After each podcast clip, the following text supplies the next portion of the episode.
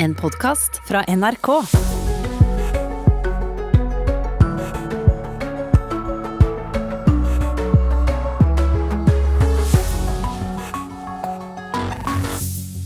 God morgen. Det er sommer, men eh, vi får håpe at noen er våkne allerede. Og hvis du sliter litt, så skal Nyhetsmorgen riste deg blidt i skuldra med følgende saker. Noen 16- og 17-åringer får koronavaksine fordi de skal på skole i utlandet. Men ikke alle, og ikke overalt. Vi må ta stilling til de konkrete tilfellene som vi da må forholde oss til. Og da går det av og til litt på tvers av det som FHI gir som generelle retningslinjer. I OL Kjetil Borch klar for finale i roing singelskøller for menn, etter å ha vært ganske overlegen i sin semifinale. Og i Hongkong er sikkerhetsloven Kina har innført på full fart inn i rettssalene, på demokratibevegelsens bekostning. Og så kom det tall i dag da, som bekrefter stigende smittetrend videre. Det var flere nye koronatilfeller i Norge i går enn på noen annen dag siden 1.6. Så god morgen igjen. Mitt navn er Jon Branes, og vi skal begynne med disse skoleelevene. da. Flere norske kommuner vaksinerer 16- og 17-åringer som skal gå på skole i utlandet fra høsten. Det er et brudd på de nasjonale retningslinjene, og det skaper forvirring, fordi ungdommer fra andre kommuner får blankt avslag når de vil ha vaksine. Dermed er det ungdommer som om få uker reiser uvaksinerte på utveksling rundt om i verden. Ok, De la Colle. Eh, ryggsekk eller sekk? Jeg tror det er lim, kanskje. Å ja. Ja, det var lim. De bruker sommeren på å lære et helt nytt språk. Men hva var det som var ryggsekk, da? Det var uh, Sakadø, Ok. tror jeg. Isak og Aurora har tatt det store skrittet og søker seg til videregående skole i Frankrike. Språket kommer nok til å sitte etter hvert, men hva som skjer med koronapandemien er langt mer usikkert. Derfor tok de begge kontakt med heimkommunen sin for å få vaksine før de flytter utenlands. Isak fikk først et nei fordi han er under 18 år, men for kort tid siden var tonen en annen. Senere, når vi ringte den 20. juli, så fikk vi beskjed om at kommunen nå hadde begynt med det, som jeg synes er en veldig god ting. Og da var de veldig raske med å arrangere en avtale, sånn at jeg fikk første dose allerede den 23. juli. Kristiansand kommune sier til NRK at de denne veka har gjort det klart at ungdom på 16 og 17 år ikke skal få vaksine. Dermed er praksisen i Kristiansand nå lik den praksisen som Aurora møtte i sin heimkommune Ås. Så sendte moren min mail, og da fikk vi ganske sånn klar beskjed om at det det kommer jeg ikke til å få. Eh, og så I løpet av sommeren så har det jo blitt litt eh, Det har letta litt på reglene, da. Så jeg tenkte at eh, da kan vi prøve en gang til. Men eh, vi fikk eh, svar som Jeg tror de sa at svaret fra eh, mai gjelder fremdeles. Ganske tydelig beskjed om at jeg ikke kunne få vaksine. En ringerunde NRK har gjort, viser at kommuner som Oslo, Bærum og Tromsø har samme regler som i Ås, mens Stavanger og Bergen er blant de som åpner for å vaksinere ungdom som skal flytte til utlandet for å gå på videregående. Dermed bryter de kommunene de nasjonale vaksinerådene. Smittesituasjonen kan være ganske forskjellig der de skal i forhold til det som vi har her i Norge. Så Derfor så ser vi det som veldig viktig at de er godt beskyttet mot covid-19 før de reiser ut. Det sier assisterende smittevernoverlege i Bergen, Kjell Haug. Det eneste kravet vi har, er at de har fylt 16 år, og at de må ha dokumentasjon fra den utdanningsinstitusjonen som de skal til. Både i Bergen og Stavanger understreker de at unntakene for disse ungdommene ikke påvirker resten av vaksineprogrammet. Men svaret fra FHI og fagdirektør Frode Forland er likevel klart. Jeg mener at her må kommunene forholde seg til nasjonale retningslinjer, og ikke gi vaksine til andre som ikke er prioritert i vaksinekøen og der en heller ikke er ferdig med utredninger. Kjell Haug i Bergen mener FHI bør vurdere reglene sine, og forsvarer at ulike kommuner gir sine egne lokale vurderinger. Vi må ta stilling til de konkrete tilfellene som vi da må forholde oss til, og da går det av og til litt på tvers av det som FHI gir som generelle retningslinjer. Akkurat for de som skal til Frankrike, kan det likevel bli en løsning, for i Frankrike åpner de kanskje snart for å vaksinere utenlandsk ungdom også. Men selvsagt så skulle det vært fint å være fullvaksinert, eller i hvert fall fått første dose, da, sånn som eh, Isak, eh, før jeg dro. For sånn at jeg slapp å tenke på det når jeg kommer til et helt nytt land, da. Reporter i dette innslaget var Vegard Kjørom og Ingeborg Kløve Graue. Nå skal vi til OL i Tokyo, hvor roeren Kjetil Borch er klar for finale i singelsculler for menn, og nordmannen hadde full kontroll på sitt semifinalehit. Der er Kjetil Borch i mål og vinner semifinalen. Og så blir det Kroatia og Dami Martin som eh, tar den eh, andre plassen der. Ja, men dette var veldig bra. I semifinalen i dag så gjorde jeg akkurat det jeg skulle, skulle holde en høy snittfart. Og så er det fint å kunne komme i mål uten å være totalt utbrent, så det, det er greit. Så du fikk spart litt kraft da, du måtte ikke ta ut maks? Eh, jeg skal ha et lite gir på lur. Et lite gir på lur hos Kjetil Borch. Det var Pål Thomassen som kommenterte løpet hans klokka fire i dag tidlig. Reporter Jonas August Bernstein fra NRK Sport, eh, hvordan så dette løpet til Borch ut?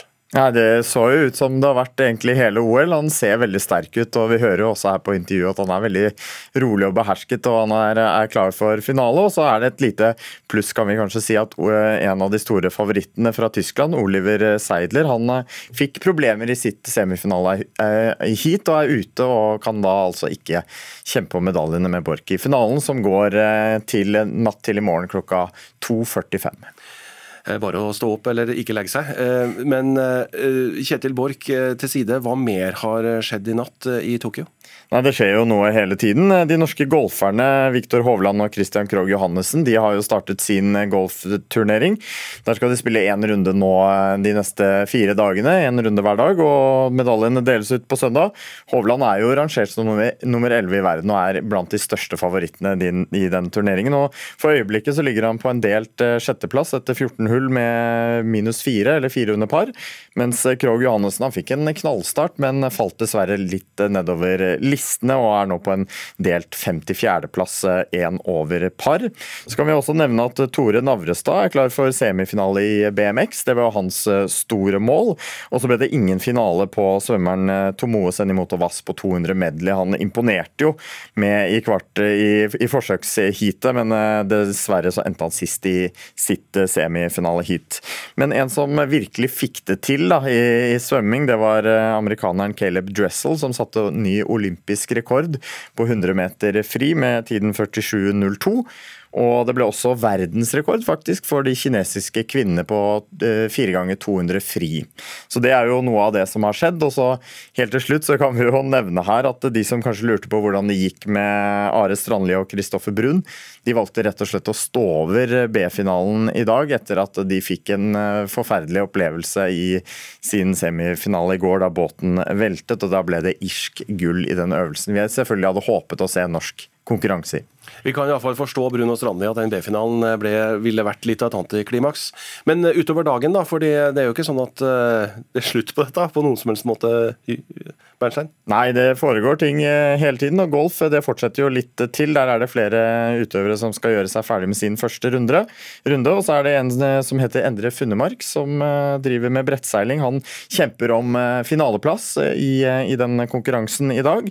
Og så kvart over ni Eh, håndballjentene skal i aksjon mot Montenegro. En eh, spennende kamp der. De har jo vunnet sine to første kamper i OL, de norske kvinnene. Montenegro de eh, vant sin åpningskamp, men tapte mot Japan sist. og det er jo viktig for de norske nå å virkelig feste grepet om denne gruppeledelsen som de har. Og så er det to norske svømmere som skal i aksjon. Nevnte Tomoe Vas skal ha forsøk på 100 fly. Og så er det Ingeborg Vassbakk Løyning 200 meter rygg for kvinner. Og helt til slutt så kan vi også nevne nå, for det er mange som gleder seg til friidrett i OL, det har jo ikke startet ennå. Det begynner nå, den natten som kommer. Og et lite høydepunkt der, Karsten Warholm som da satte en verdensrekord for ikke så lenge siden. 04.41 i natt så starter han sin reise mot det vi håper kan bli en olympisk triumf. Bare å glede seg. Tusen takk, Jonas August Bernstein. Og husk at du kan ta med deg sommer-OL der du måtte være i sommer, ved å ha med deg et radioapparat og høre på NRK Sport. Da skal vi fra svømming bl.a. i OL til svømming i sjøen i Norge. Og det er skrekkhistorier knyttet til dette. Så langt i sommer har 15 personer fått infeksjoner av kjøttetende bakterier, og ti av dem i Oslofjorden. Bakteriene kan infisere åpne sår, og i verste fall må man amputere. Etter en lang periode med veldig høye badetemperaturer, så, eh, spesielt da på det sørlige Østlandet, så anbefaler Folkehelseinstituttet at de som skal ta seg et bad i sjøen, tar forholdsregler. Det føles ut som at det er kanskje sju grader. Det er deilig når temperaturen i vannet ligger på over 20 grader. Men det gjør også at kjøttetende bakterier som vibrio og chevanella sprer seg og kan gi infeksjoner hos de som bader. På Kadettangen i Bærum er det flere som er skeptiske til å bade i det varme vannet. Det gjør nok at jeg kanskje ikke får lyst til å bade. De kjøttetende bakteriene som lever i saltvann og brakkvann, kan komme inn i kroppen gjennom åpne sår. Og hvis et sår endrer seg etter du har bada, gjelder det å komme seg raskt til legen. Det sier seniorrådgiver Line Angeloff i Folkehelseinstituttet. For dette såret kan utvikle seg fort og, og bli straks ganske alvorlig. Så det, det, er viktig å opplyse da til legen at man har vært og bada. Og vi har sett fra tidligere år at amputasjon har vært eh, et resultat av slike infeksjoner. Og amputasjon ble utfallet for en kvinne som hadde bada på Høvik i Bærum i 2016.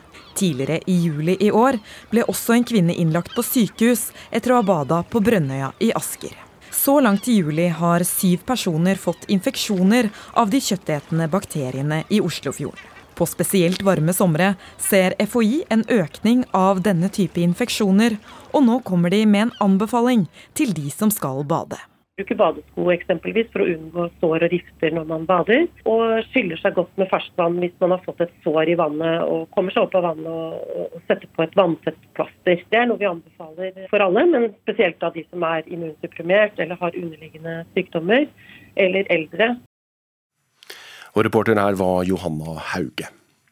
Nå skal det handle om 22.07 og diskusjonen i etterkant. AUF-leder Astrid Hoem er skuffet over Fremskrittspartiets respons på oppfordringen om å ta et tydeligere oppgjør med 22.07. Partileder Sylvi Listhaug skrev en kronikk i Nettavisen i går. Hun opplever at blant andre Hoem insinuerer at Fremskrittspartiet er delvis skyldig i terrorhandlingene for ti år siden. Listhaug har ikke et medansvar for terroren, men har et medansvar sammen med oss andre med å stå opp mot tankegodset som førte til terroren. Så håper jeg at, eh, at, hun, eh, at, hun, også vil bidra til å ta avstand, fordi jeg tror at eh, det at høyresida også i større grad bidrar inn i de debattene her, det gjør at flere lytter. I forkant av tiårsmarkeringen for 22.07 etterlyste Hoem et tydeligere oppgjør av hendelsen, og ba høyresiden komme mer på banen.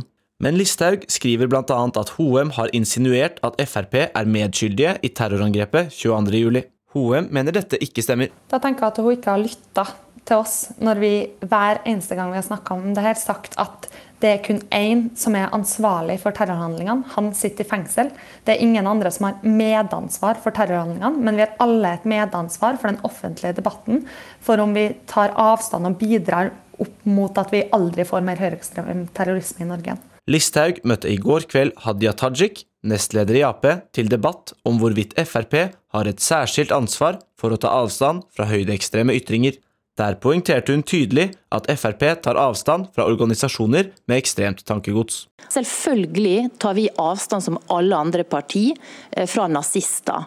Alliansen eh, og Sian, som eh, vi har sagt er uforenlig å være medlem der og i Fremskrittspartiet. Tajik ønsker imidlertid at Frp tar tydeligere avstand også fra tankegodset mange av de nevnte organisasjonene har. Eh, jeg syns at eh, det er veldig bra at eh, Sylvi Listhaug i kronikken sin i dag i Nettavisen tar veldig tydelig avstand fra organisasjoner sånn som Sian og som Nordisk motstandsbevegelse. Men jeg skulle òg ønske at du tok enda tydeligere avstand fra det tankegodset som de bringer med seg. I kronikken til Listhaug skriver hun også at venstresiden ikke er tydelig nok på hva oppgjøret med 22 22.07 innebærer. Hoem har heller ikke et tydelig svar. Vi sitter ikke med fasiten på hva oppgjøret etter 22.07 betyr. Det må vi forme sammen. Vi er invitert inn til en debatt der man også kan være med på å diskutere hvordan vi best mulig stanser det høyreekstreme tankegodset fra å vokse. Astrid Hoem, leder i AUF. Reporter her var Eirik Hegdal Evensen.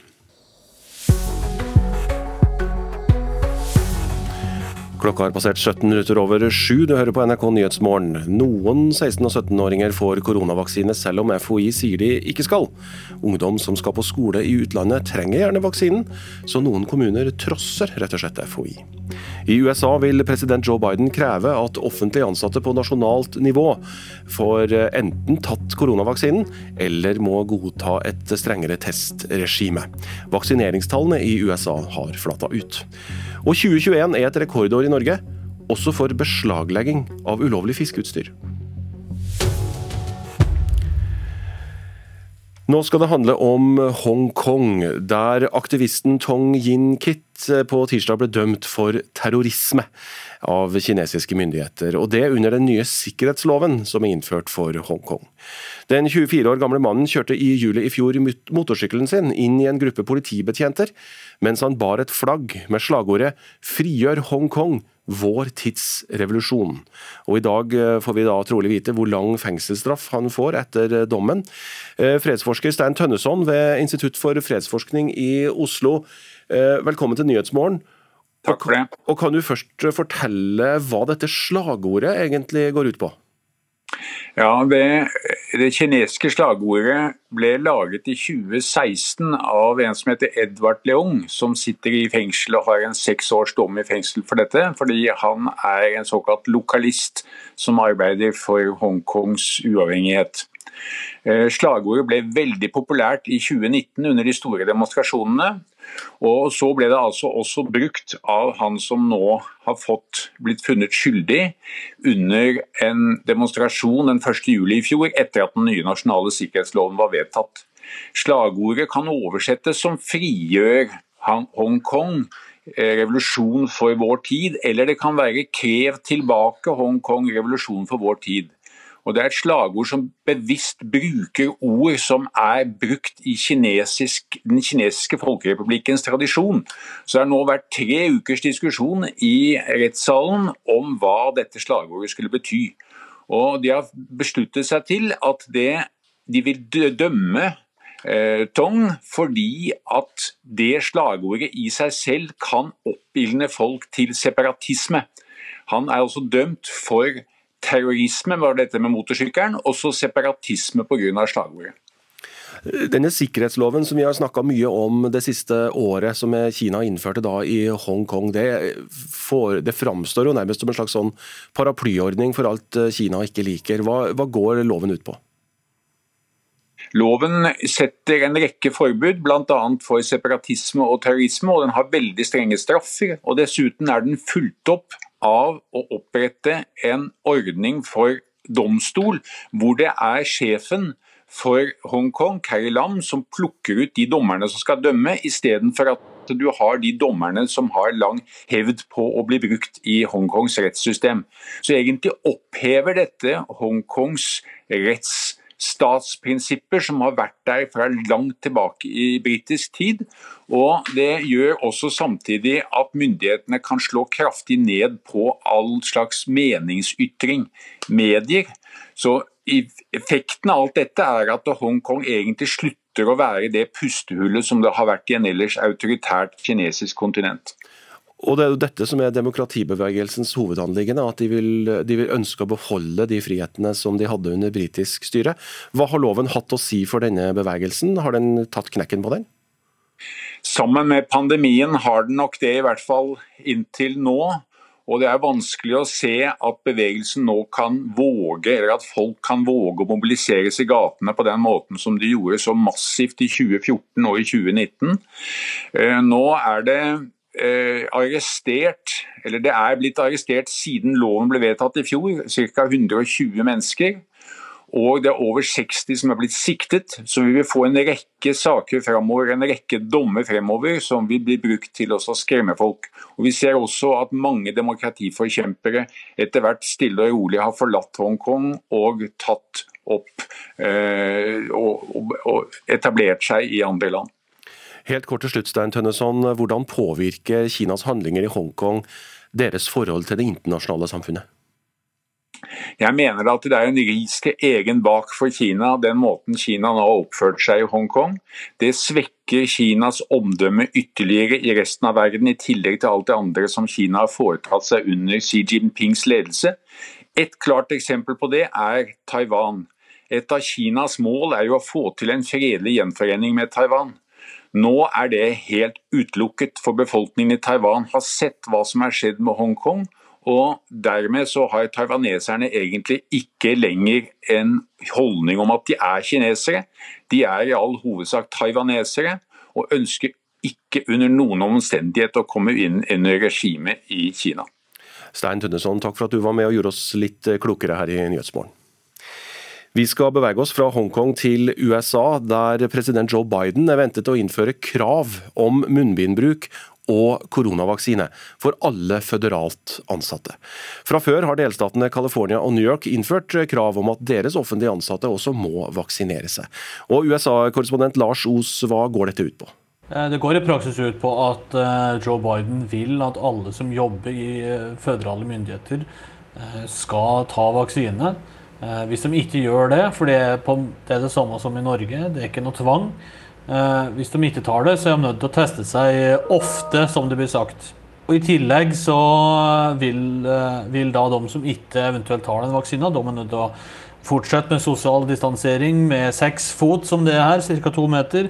Munnbindpåbud, som du sier, og, og reiserestriksjoner for de ansatte. Så eh, det er vel nok et grep som eh, Biden innfører eh, i det forsøket på å få tene delta-varianten som nå eh, er å se over hele landet.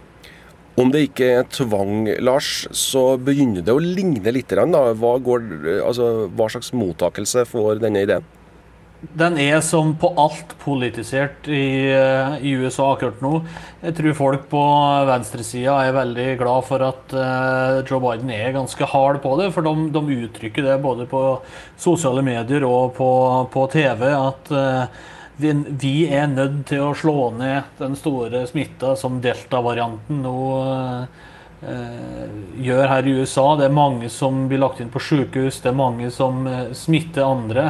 CDC, eh, altså det samme som eh, FHI i Norge, de eh, sa jo på tirsdag at de ønsker nå altså Det er ikke et krav, men de ønsker at alle bruker munnbind innendørs der det er høyt smittetrykk. Og så ønsker de at alle unger på skolen fra første til K12, altså det er der, vil Si egentlig grunnskolen i praksis, skal også bruke munnbind. Og det er det mange som reagerer på.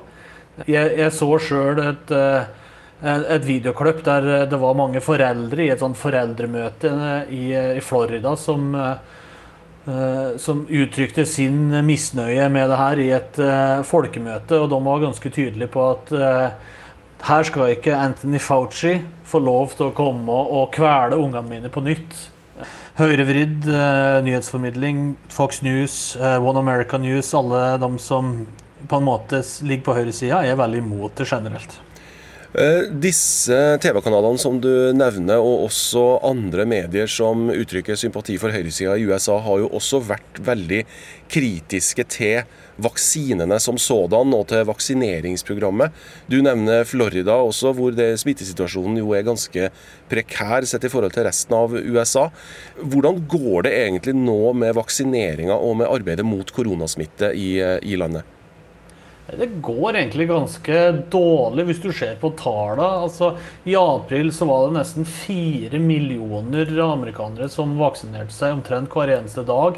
Mens nå så er det på en måte stagnert. Du ser kanskje en liten oppsving at det er kanskje litt over 500 000 som, som vaksinerer seg. Men i det, i det, liksom det store bildet så er det fortsatt slik at under 50 eh, og da tar vi alle aldre i, i USA 49,2 eh, ifølge, ifølge CDC eh, er fullvaksinert. 57% har fått minst én dose.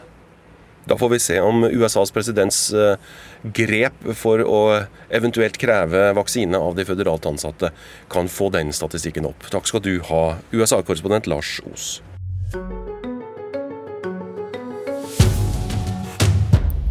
Tre minutter på halv åtte. 2021 er et rekordår også for ulovlig fiskeutstyr og beslaglegging av det. Tallet på ulovlige teiner minsker nemlig ikke, trass i årevis med inspeksjoner. Fiskeridirektoratet vil se på nye løsninger for å få informert folk om gjeldende regler på en bedre måte. Det er blikkstille på fjorden denne solfylte morgenen, mens Fiskeridirektoratet er på tokt. Nå er de kommet til Ellingsøyfjorden utenfor Ålesund, der de inspiserer krabbeteinet. Så langt i år har de gjort rekordbeslag av ulovlig fiskeutstyr. Inspektør Jim Anders Edvardsen forteller at situasjonen ikke har bedra seg, til tross for en intensivering i inspeksjoner de siste fire åra. Han tror de må se på andre løsninger for å få bukt med det ulovlige fiskeutstyret. Vi har uh, søsterskipet vårt som er litt lenger sør her. De har På 14 dager nå så har de nesten 100 anmeldelser på en, ja, noen hundre teiner kanskje de har tatt opp. Så det er, det er veldig graverende egentlig i det store bildet her rundt omkring kysten. Jeg tenker i hvert fall at vi burde kanskje oppsøke produsentene, oppsøke utsalgsstedene og begynne, begynne, der. At de kanskje selger basis teiner som er lovlig, i stedet for å, å selge teiner som folk gjør lovlig etter salg.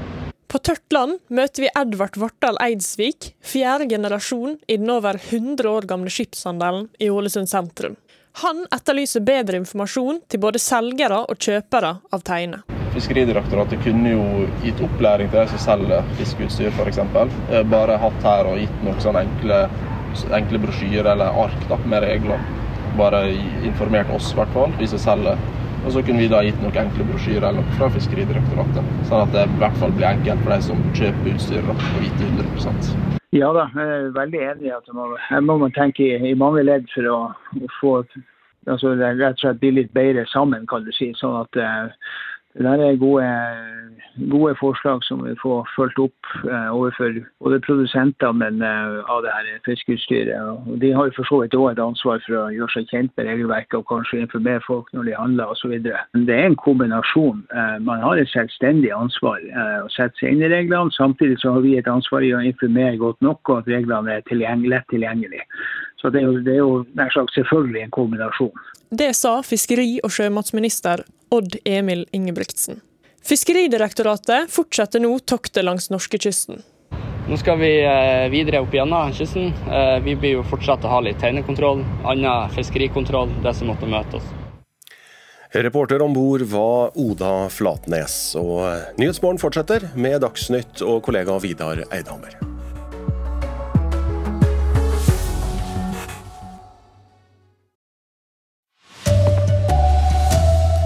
Flere kommuner vaksinerer 16- og 17-åringer som skal på utveksling. FHI er kritisk. AUF er skuffa over Frp, og ber partiet ta enda tydeligere avstand fra høyreekstremisme. Flere har fått infeksjoner av kjøtetende bakterier etter bading i sommer. Her er NRK Dagsnytt klokka 7.30. Flere kommuner gir koronavaksine til 16- og 17-åringer som skal på utveksling, selv om dette bryter med de nasjonale vaksinereglene. Dermed får norske ungdommer svært ulike svar fra heimkommunen sin når de prøver å få vaksine før de flytter til utlandet. Folkehelseinstituttet tykker ikke noe om at somme kommuner vaksinerer friske ungdommer under 18 år. Ok, Delacol, eh, ryggsekk eller sekk? Jeg tror det er lim, kanskje. Å oh, ja. Ja, det var liv. De bruker sommeren på å lære et helt nytt språk. Isak og Aurora har tatt det store skrittet og søker seg til videregående skole i Frankrike. Derfor tok de begge kontakt med heimkommunen sin for å få vaksine før de flytta utenlands. Isak fikk først et nei fordi han er under 18 år, men for kort tid siden var tonen en annen. Senere, når vi ringte den 20. juli, så fikk vi beskjed om at kommunen nå hadde begynt med det, som jeg synes er en veldig god ting. Og da var de veldig raske med å arrangere en avtale, sånn at jeg fikk første dose allerede den 23. juli. Nå sier Kristiansand kommune til NRK at de har snudd, og dermed får ikke 16- og 17-åringer som skal på utveksling noe vaksine lenger. Akkurat som i Aurora sin heimkommune Ås. Så sendte moren min mail, og da fikk vi ganske sånn klar beskjed om at eh, det kommer jeg ikke til å få. En ringerunde NRK har gjort til landets største byer, viser at Kristiansand ikke er alene. Også i Stavanger og Bergen har de vaksinert utvekslingselever under 18 år. Jeg mener at her må kommunene forholde seg til nasjonale retningslinjer, og ikke gi vaksine til andre som ikke er prioritert i vaksinekøen og der en heller ikke er ferdig med utredninga. Det sier fagdirektør i Folkehelseinstituttet Frode Forland. I Bergen mener det derimot at reglene bør vurderes på ny, og assisterende smittevernoverlege Kjell Haug forsvarer at kommunene kan gjøre lokale vurderinger i møte med ungdom som skal ut i verden. Vi må ta stilling til de konkrete tilfellene som vi da må forholde oss til, og da går det av og til litt på tvers av det som FHI gir som generelle retningslinjer. Reporter Vegard Kjørom. Koronasmitten i Norge øker. Det ble registrert 353 nye koronasmitta siste døgn. 164 flere enn samme døgn i forrige uke. Og dette er også det høyeste tallet på ett døgn siden 1.6. Reporter Alvar Sandberg, er det den frykta høstauken vi ser alt nå? Det kan eh, virke sånn. Eh, I denne uken i fjor, da begynte høst økningen, det som da endte opp med en gigantisk bølge opp mot uh, juletider og alt det det innebar. Er denne smitteøken egentlig noe å frykte når mange nå er vaksinerte? Det er det store spørsmålet, fordi smitteøkningen ikke nødvendigvis betyr at det blir flere innlagte på sykehus. Eh, den innleggelsen den ser ikke lignende ut sånn i eh, økning. Hvis det kommer mye innleggelser på sykehus i de neste ukene, så eh, kan det være mer å bekymre seg for. Men eh, det er ikke slik eh, norske myndigheter tenker nå, de tenker innleggelser. Ja, Nå er neste steg igjen åpninga utsatt med to uker. Kan denne smitteøken føre til at ting blir mer lukket? Det ligger ikke an til det. Regjeringen har signalisert at det skal ekstremt mye til før de går ned igjen. Altså at de fører til ytterligere innskrenkninger. Det er bare utsettelser av gjenåpningen det er snakk om. Takk skal du ha, reporter Halvard Sandberg. AUF-leder Astrid Hoem er skuffa over responsen fra Fremskrittspartiet og partileder Sylvi Listhaug på oppmodinga om å ta et tydeligere oppgjør med 22.07. Listhaug skrev i en kronikk i Nettavisen i går at hun opplever at mellom Anna Hoem insinuerer at Frp har delvis skyld i terrorhandlingene. Listhaug har ikke et medansvar for terroren, men hun har et medansvar sammen med oss andre med å stå opp mot tankegodset som førte til terroren. Og så håper jeg at hun også vil bidra til å ta avstand, fordi jeg tror at eh, det at høyresida også i større grad bidrar inn i de debattene her, det gjør at flere lytter. I forkant av tiårsmarkeringen for 22.07 etterlyste Hoem et tydeligere oppgjør av hendelsen, og ba høyresiden komme mer på banen.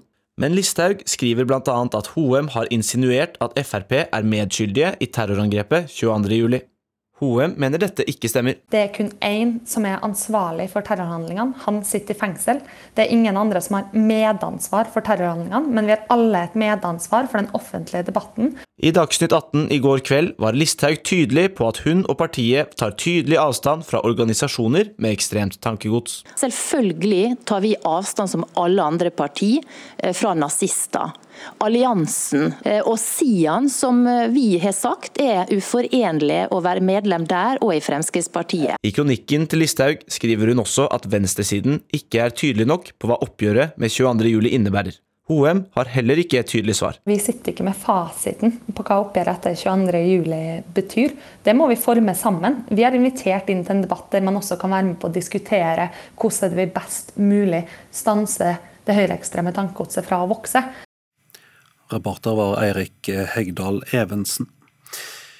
I går var det dramatikk i roinga i OL, da Are Strandli og Kristoffer Brun velta og ikke klarte finaleplass i dobbeltsculler. Men i natt eh, gikk det mye bedre for Norge i roing, reporter Jonas August Bernstein. Det gjorde det så absolutt. Eh, Kjetil Borch han kvalifiserte seg til finalen i singelsculler for menn. og Han så jo sterk ut igjen og kvalifiserte seg da med nest beste tid inn i finalen. Gir han et, eh, en god, god bane der.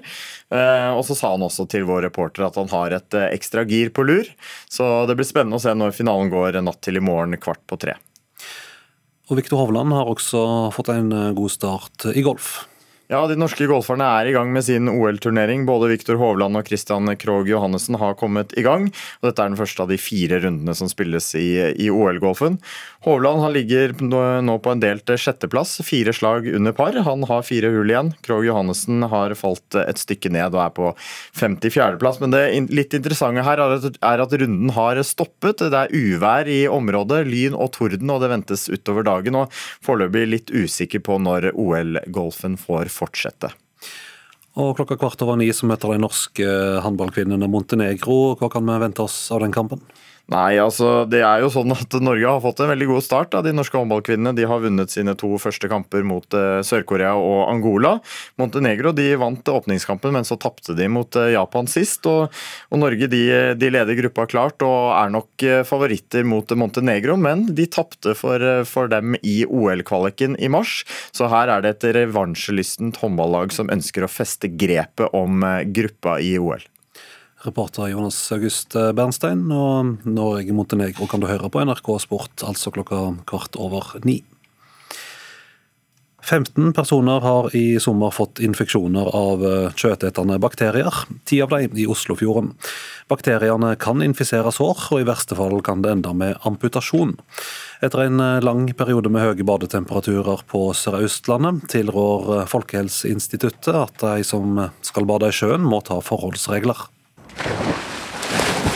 Det føles ut som at det er kanskje sju grader. Det er deilig når temperaturen i vannet ligger på over 20 grader. Men det gjør også at kjøttetende bakterier som vibrio og chevanella sprer seg og kan gi infeksjoner hos de som bader. På Kadettangen i Bærum er det flere som er skeptiske til å bade i det varme vannet. Det gjør nok at jeg kanskje ikke får lyst til å bade. De kjøttetende bakteriene som lever i saltvann og brakkvann, kan komme inn i kroppen gjennom åpne sår. Og hvis et sår endrer seg etter du har bada, gjelder det å komme seg raskt til legen. Det sier seniorrådgiver Line Angeloff i Folkehelseinstituttet. For dette såret kan utvikle seg fort og, og bli straks ganske alvorlig. Så det, det, er viktig å opplyse da til legen at man har vært og bada. Og vi har sett fra tidligere år at amputasjon har vært så et resultat av slike infeksjoner. Og amputasjon ble utfallet for en kvinne som hadde bada på Høvik i Bærum i 2016. Tidligere i juli i år ble også en kvinne innlagt på sykehus etter å ha bada på Brønnøya i Asker.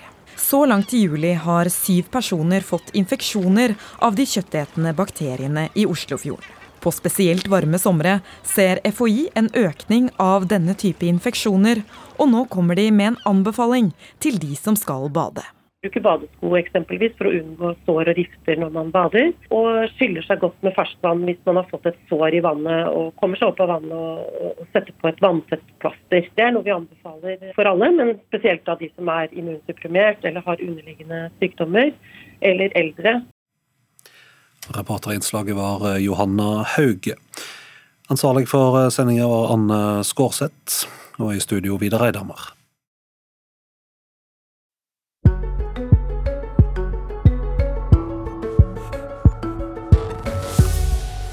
Dette er NRK Nyhetsmorgen fra NRK Nyheter på NRK P2 og i NRK1. Det skal i det hele tatt godt gjøres å unngå oss. Og velkommen skal du være, og heng med.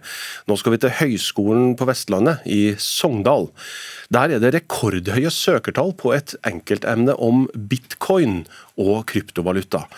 Fra bare 15 studenter i 2019 er det i år over 150 studenter som skal lære mer om digitale valutaer har meldt meg inn i en eh, Facebook-gruppe som heter eh, Kryptojentene. Og det var egentlig der jeg så muligheten, da. Og tenkte jøss, dette er en eh, fin mulighet. Så jeg slang, slang meg på og søkte og fikk plass. 33-åringen Susanne Lo fra Oslo er en av mange studenter som har meldt seg på kurset om den digitale kryptovalutaen bitcoin. Enkeltemnet som tilbys på Høgskolen i Vestland Sogndal, har hatt rekordhøye søkertall i år, noe som gleder emneansvarlig Svein Ølnes. I 2019 var det ikke flere enn knappe 30. I fjor var det ikke kurs. Mens i år er det jo da eh, rekordhøyt søkertall med over 250 som har søkt. Ja, det er jo stas, det må jeg si. Den digitale valutaen bitcoin ble introdusert i 2009, og enkelte tror han i framtida vil kunne konkurrere med dollar, pund og kroner som betalingsmiddel. Litt av årsaken til det høye søkertallet er knyttet til at kurset blir holdt helt digitalt. En annen faktor, ifølge underviseren, er den masse omtale bitcoin har hatt i media, i tillegg til de store kursendringene på denne nye valutaen. Jeg tror eh, det har mye med oppmerksomheten rundt bitcoin i media, og det er ikke til å komme bort ifra at eh, kursen spiller en eh, viktig rolle her. Søkertallet ser ut til å svinge i takt med bitcoin-kursen, så å si. I år utgjør også kvinner en større del av søkertallet. Tidligere har undersøkelser vist at kvinner er mer skeptiske til investeringer inn i kryptoverden. På dette kurset er en tredjedel av søkerne kvinner, noe som overrasker underviseren. Ja, det overrasker òg eh, positivt. Eh, dette om bitcoin, kryptovaluta, har fram til nå iallfall vært dominert av eh, skal vi si, unge, hvite menn. Det er kjekt å se at jenter, kvinner, blir mer og mer interessert i dette. Susanne Lo mener både bitcoin og teknologien bak vil få en større rolle i framtida. Hun ser også at oppmerksomheten rundt denne valutaen har økt. Jeg tror det har blitt populært av flere grunner. Den ene grunnen er jo at Norge har kommet med norske kryptobørser, som gjør det mer tilgjengelig for folk å investere i og lære litt mer om teknologien, da. Og så tror jeg også at store influensere. De eh, når ut til folk på sosiale medier og snakker om eh, kryptovaluta og blokkjedeteknologi. Verken studenten eller underviseren nekter for at flere av kursdeltakerne har mål om å tjene penger på kryptobørsen. Susanne Lo har sjøl satt litt penger inn i bitcoin, men ikke nok for at det gjør hun nervøs. Det er ikke så masse enda. Jeg eh, fikk et veldig godt tips av eh, min onkel. Han sa aldri invester i eller mer enn du har råd til å tape. Og det tror jeg var et eh, veldig lurt råd å komme med. Lure rådet vi får, reporter her var Jo Arne Marvik. Droner er det fortsatt ikke ordentlig kontroll på her i Norge. Over 400 000 nordmenn eier en drone, men hvis den er tyngre enn 250 gram, så må den registreres hos Luftfartstilsynet. Det er det bare 21 000 privatpersoner som har gjort siden regelen kom ved nyttår. Daglig leder Anders Martinsen i den norske bransjeorganisasjonen for dronebrukere ber folk pent om å registrere seg i Norge i dag så har vi hatt veldig mange droner som ikke vi vet hvem eier eller hvor de egentlig tilhører. Så Med denne registreringa så betyr det at hver enkelt person må registrere og si dette er mitt firma eller meg som person som skal fly, og dette er dronene som jeg har og eh, hører til min, min bruk av droner. Og Det gjør også at det er krav til forsikring for de aller fleste dronene. og Det er viktig, det skaper trygghet for deg og meg. Eh, det var godt å vite. I Nyhetsmorgen så får du høre at noen 16- og 17-åringer får koronavaksine, selv om det er i strid med FHIs anbefalinger. Og OL er ikke bare medaljer, folkefest og store prestasjoner. Det er et beinhardt press på de store forhåndsfavorittene. Hva skjer når de ikke innfrir? I Politisk sommerkvarter er Mimir Kristiansson fra Rødt gjest. Programleder er Håvard Grønli.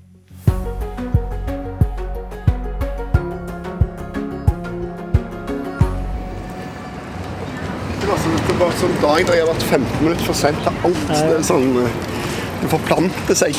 Mange jern i elden, og litt forsinka fra møtet med forlaget om Jon Michelet-biografien han skriver på. Men nå er vi her, på Jungstorget i Oslo, under statuen av en mann med slegge, tilegnet arbeiderbevegelsens pionerer, står det. Nei, Youngstorget er jo arbeiderbevegelsens høyborg i Norge, og jeg føler vel at Rødt eh, er, Vårt mål er vel å bli det nye Arbeiderpartiet. da. Så vi, vi prøver jo å bygge videre den, den arven som Arbeiderpartiet har lagt. Hva sier denne statuen, da? Nei, Denne statuen er jo en hyllest av eh, arbeidsfolk i Norge. Altså Det er de som har bygd landet vårt og verdiene vi har. Eh, både kvinner og menn. Småkårsfolk gjennom alle år. Men du er en mann uten eh, skitt under neglene som kommer fra møte med forlag, så vi setter oss eh, behagelig i skyggen der borte. Det stemmer, det. det er varmt sommervær i Oslo. Vi søker litt skugge. Og en vestlandskandidat veit hva han skal si om været i hovedstaden. Jeg bare savner jo sånn eh, det der lette regnet, vet du. Som det er alltid på Stavanger. Da. Og vinden, det er noe av det deiligste. Blåse og regne litt, liksom. Men nå er det skikkelig lummert. Det ligger torden i sommerlufta. Og mannen vi prater med, som lar seg inspirere av en statue av mann med slegge, ja, han kan komme inn i rikspolitikken med et skikkelig brak. Mimir Kristiansson, eh, første gang for Rødt i Rogaland, 34 år. Det er mye Mimir Kristiansson. Den tidligere Klassekampen-journalisten skriver innlegg og bøker, uttaler seg om det meste og figurerer i media enten han sover eller øvelseskjører. Du er en ganske gjennomintervjua fyr. Tror du det er mulig at vi kan komme inn på noe nytt i løpet av 15 minutter? Nei, det, det kanskje ikke. Kanskje ikke. Men det hadde vært deilig å snakke litt politikk, da. Og ikke bare om eh, snorking og, og bil, billappen, som vel er det jeg er mest intervjua om om dagen. Og vi lover å prate politikk. Men vi tar utgangspunkt i privatlivet. I boka 'Mamma er trygda' skriver Kristiansson gripende om den kreftsyke mora. Om skam, utfordringer med Nav, om trang økonomi. Syns du Norge skal bruke mer penger på trygd? Altså, Det er jo ikke noe mål at folk skal være trygda, men det at Norge er et av de landene i verden som bruker mest penger på trygd, det er jo en bra ting med Norge. I Zimbabwe bruker de ingen penger på trygd, kroner null. Men det er ikke noe mål å være der. sånn at vi bør, eh, bør ha rom for at folk eh, som ikke eh, klarer å jobbe, folk som er syke eller uføre på andre måter, rett og slett får trygd. Så for meg er det ikke noe mål at folk skal, skal bruke mer penger på trygd, men det er egentlig ikke noe mål at vi skal bruke noe mindre penger på trygd heller. da. Altså Det foregår en storstilt mobbing av trygda og uføre mennesker i Norge. Og det er folk med makt og penger og innflytelse som står for den mobbingen. Sånn at det framstilles jo som om folk som går på Nav, da, altså folk som er uføretrygda, at de har vondt i viljen, egentlig. At de bare er Ja, det, det framstilles som om de er de frivillige navere, da. De har valgt seg Nav. Men det er ikke realiteten.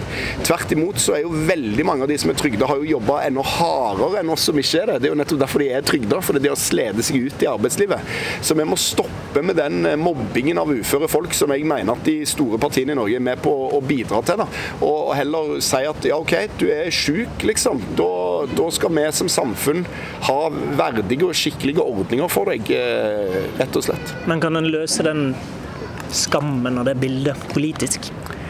Jeg tror i hvert fall det hjelper veldig mye at vi ikke har politikere som ber folk om å stå opp om morgenen, sånn som Robert Eriksson sa når han var arbeidsminister, eller som later som om det å være på Nav er et valg, sånn som en god del eh, Høyre-politikere har, har snakket om. Sånn at hvis du, hvis du òg gjør noe med det Nav-systemet, fordi at det systemet er jo òg innretta sånn at folk skal jo ha det litt vondt når de er på Nav, virker det nesten som politikerne har ment. da. Men hvis du snur på den mistilliten som ligger i det systemet, og det mistillitshysteriet som er knytta til trygdesvindel og den type ting, da tror jeg òg at en god del av den sjølrespekten til mange trygda vil ha bedre vilkår da, enn hvis de er konstant mistenkeliggjort, sånn som det er i dag, da, for å, å, å være late eller ja, hva det skal være. Men, men, ser du helt bort fra at det kan være en uønska effekt da, at eh, at flere kommer til å få stønad hvis stønadene blir eh, for gode sammenlignet med en eh, arbeidsinntekt? For det første er det jo sånn at De landene i verden som har høyest yrkesdeltakelse, har best, eh, best trygdeordninger. Det er jo ikke sånn at eh, de landene uten trygdeordninger er, er flotte og gode land med, med, skikkelige arbeidsmarkeder. Men jo da, det kan sikkert finnes en og Jeg har aldri møtt en trygda person jeg, som er det av fri vilje. Jeg tror ikke det er noe kjekt for folk å være, men jeg skal ikke utelukke at det kan finnes en eller annen person i Norge som er, er naver eh, på, på, av egen fri vilje. Men jeg tror at det der problemet der er helt minimalt. Derimot så tror jeg det er et veldig ekte problem at folk som er syke, folk som har slitt ut og ødelegger kroppene sine på hardt arbeid, blir mistenkeliggjort og dårlig behandla i Nav-systemet. Det er et problem som gjelder mange hundre tusen folk, og at det fins fem-seks naver et eller annet sted, det endrer ikke på det problemet. Så, så det spørsmålet er på en måte Det bør man egentlig stille på hodet, tror jeg. La oss si at du får påvirke politikken på dette området. Hva vil være det viktigste å gjøre noe eh, politisk med? da? Ja, altså Det er jo noen ting som handler om disse stønadene. Altså Der er jo f.eks. arbeidsavklaringspenger. At alle skal ha arbeidsavklaringspenger fram til de er ferdig avklart. da. Eh, og på en måte kan eventuelt få uføretrygd, framfor at de blir skjøvet på sosialstønad. Så bør vi øke sosialstønaden, og det bør være sånn i hele landet at du får beholde barnetrygd selv om du er på sosialstønad. Det er det ikke i alle kommuner. Men i tillegg til det så trengs det jo en tillitsreform i Nav-systemet. Og der må man rett og slett eh, gjøre en jobb med å gå gjennom alle mulige slags krav til dokumentasjon, skjemaer i Nav-systemet som har gått helt eh, vilt av sted, altså. Og så prøve å lage et mer tillitsbasert system der man bruker sløse mindre av pengene på byråkrati og kontroll, og heller få brukt pengene på å hjelpe folk. Da. Hvem skal den tilliten gå til? Saksbehandleren eller brukeren? Ja, begge to. fordi at alle Nav-ansatte jeg snakker med, er jo eh, for dypt fortvila over at de ikke har fått tillit nok i jobben sin til å hjelpe folk. Det er det som er tilbakemeldingen fra de Nav-ansatte. Så de må få tillit til å kunne gjøre jobben og hjelpe folk. Og så må brukerne, da, de såkalte brukerne, få tillit til at de rett og slett ikke er på Nav for å snylte penger av fellesskapet, men fordi de trenger hjelp. Da. Raudt ligger bedre an enn noen gang før. Om medvinden holder fram, kan de komme over 4% og Kristiansson bli en av flere røde stortingsrepresentanter. Nå vil ikke de andre partiene på rød-grønn side ha noe forpliktende samarbeid med Rødt. Men i et valgår skal nå en stortingskandidat få lov til å drømme om å få avgjørende makt. Hva ville Rødt-representant Kristjansson prioritert hvis han fikk påvirka en ny regjering? Ja, det, For oss handler jo dette om velferd og arbeid, altså de store økonomiske spørsmålene i folks hverdag. Da. Så Det å gjøre noe med forskjellene. og Det betyr både selvfølgelig å skatte de på toppen, men viktigere er det jo å bygge ut velferdsordninger. Gratis tannhelse, bedre kontroll på arbeidsavklaringspenger, den type stønader. Gratis SFO, jobber for å øke barnetrygden. Det er liksom å legge inn kraften på på en måte gjøre noe med den forskjellsutviklingen. Det er det som er vil jeg si, Rødts hovedmål. I lys av det du sier der, tenker du at Norge er et klassesamfunn? Ja, Norge er åpenbart et klassesamfunn. Det er forskjell på folk. Noen går på jobb og jobber, og noen eh, går på jobb og eier. Sånn at eh, det er åpenbart forskjell på, på milliardærene på toppen og, og, folk flest, som jo rett og slett eh, skaper verdien i dette samfunnet, og som ikke nyter fruktene fullt ut av det. Kan man komme seg bort fra det? Ja, det tror jeg er mulig, men det er jo en, eh, en visjon, eller en eh, Du kan til og med nesten si det er en utopi, da. Men Norge har jo vært mye mindre et klassesamfunn enn vi er i dag. Altså Fra 1945 til, til jeg ble født ca., så gikk jo forskjellen i Norge ned hvert eneste år. Så at vi må jo tilbake på, på Gerhardsen-linja, for å si det sånn. og Minske forskjellene mellom folk istedenfor at de øker. da. Er du kommunist? Ja, altså det, Nå spør du godt, for det er bare på fredag kveld. så det, det, kan hende at jeg eh, er i, jeg er liksom i, i godt slag. men, men, eh, Hvor mange må du ha tatt deg for å kunne kalle deg kommunist? Nei, det var, var, var kommet litt ned i femteølen der, ja. Nei, altså Jeg er vel sosialist eh, mandag til fredag, og så er jeg eh, kommunist på, lørdag, på fredager og anarkist på lørdager, og på søndager så mye fylleangst at da er jeg bare sosialdemokrat akkurat, så Greit, du er sosialist, da? Ja, det vil jeg si at jeg er, og det er det jeg syns er riktig å si om seg sjøl, altså. Men hovedpoenget er jo at det er ikke så farlig for meg hva du kaller det, men det er helt åpenbart at kommunisme er forbundet med, og med rette på mange måter òg, diktatur, folkemord, Øst-Europa, Kambodsja, Kina. Og det er det avgjørende at venstresida tar skikkelig og utvetydig avstand fra det. Og det er viktig for meg at vi, vi har et ordna forhold til det. Så du er kanskje kommunist, men du har ikke lyst til å kalle deg det? Nei, jeg har i hvert fall ikke lyst til å, å på en måte gjøre noe for å, å støtte opp om den type mislykka sosialisme, kommunisme, som det var i, i Øst-Europa, Kina og Sovjet. For det, det er ikke sånn vi vil ha det, rett og slett. Det er ikke den type samfunn jeg ønsker meg. Hva med de deler av kapitalistisk system vi har, da, vil, mener du man bør kvitte seg med? Jeg mener at det er urimelig at enkeltpersoner skal kunne eie eh, milliarder av kroner og store samfunnsverdier. Jeg mener det er et udemokratisk system at eh, en enkeltperson bare f.eks. i kraft av å arve penger da, kan eie jobbene til titusenvis av folk. Så det mener jeg er en uting. Og en bra ting med Norge er at det er mindre sånn i Norge enn i andre land. I Norge har vi veldig mye av, eh, av verdiskapingen faktisk på fellesskapets hender. Altså, men, men det interessante er hva ligger i enden av det resonnementet? Hva vil du da gjøre med en privat eiendomsrett? Nei, privat eiendomsrett er jo jeg for, men jeg er mot at du skal, skal, kunne eh, eie mange milliarder kroner. da. Så, men jeg er for at folk skal eie hus og være med og Og Hvordan løser ja. du det politisk, de, de som eier for milliarder? Det, på, på, det er ikke noe mer mystisk enn å gjøre det som vi har gjort i Norge. Du bygger opp store statsselskaper innenfor infrastruktur og naturressurser, og så må du bygge opp eh, kooperativer og arbeiderstyrte bedrifter innenfor andre sektorer. I oljebyen Stavanger er Mimir Kristiansson en politiker fra et parti som vil trappe ned virksomheten som byen er bygd på. Men i Raut er han politikeren fra oljebyen som argumenterer for at partiet ikke skal gå for langt i å avvikle industrien. Bør Norge starte nå og trappe ned oljevirksomheten? Ja, det bør Norge, og det, det vil skje uansett. Altså, det, det, noe av det dummeste jeg hører, er jo når jeg hører politikere fra Høyre og Frp som later som de kan vedta mer olje i Nordsjøen enn det. Dette er jo styrt av både geologiske forhold, vi gjør rett og slett ikke så store funn som vi gjorde før. Det begynner å tømmes, men det er òg styrt av at verden etterspør mindre olje. Så vi bør begynne den nedtrappingen, og den bør være kontrollert og offentlig styrt, akkurat som oppbyggingen av olje var kontrollert og offentlig styrt. Så vi bør slutte å leite og slutte å åpne nye oljefelt, men, men da altså ikke stenge alle feltene på en bestemt dato som vi vedtar på Stortinget. Men partiprogrammet ditt sier at dere skal trappe ned uten å tape arbeidsplasser. Tror du helt ærlig på det? Ja, altså hvis jeg skal være helt ærlig, da, så er jo det sånn Det er litt sånn floskelpolitikk, det der. Men jeg tror det er mulig for oss, hvis vi har en kontrollert nedtrapping av olje, å bygge opp andre næringer samtidig. Og så tror jeg det blir dritvanskelig. Det tror jeg det blir. Men jeg tror ikke det er noen vei utenom. Og jeg tror det blir tapt mye flere arbeidsplasser hvis du skal fortsette den ensidige oljedriften som norsk økonomi har vært på, helt fram til verden ikke etterspør olje mer.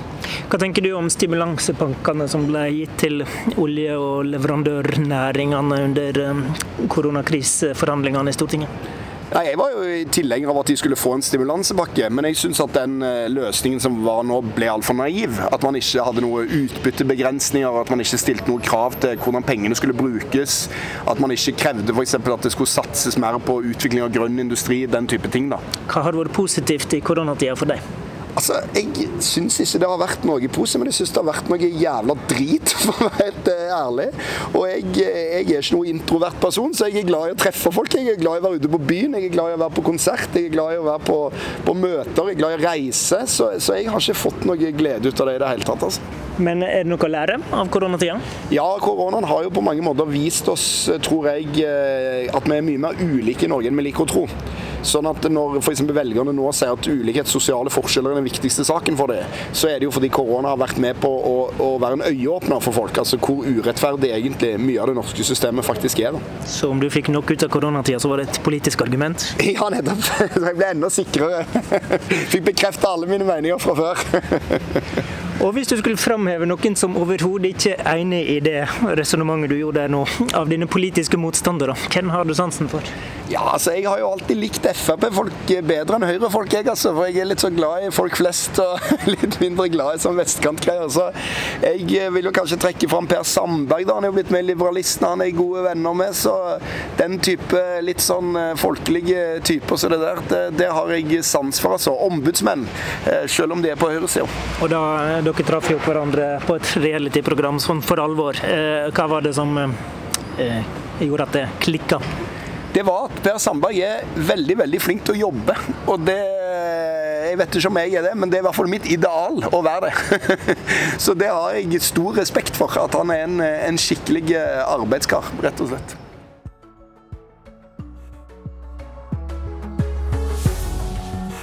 Du har hørt en podkast fra NRK. Hør flere podkaster og din NRK-kanal i appen NRK Radio.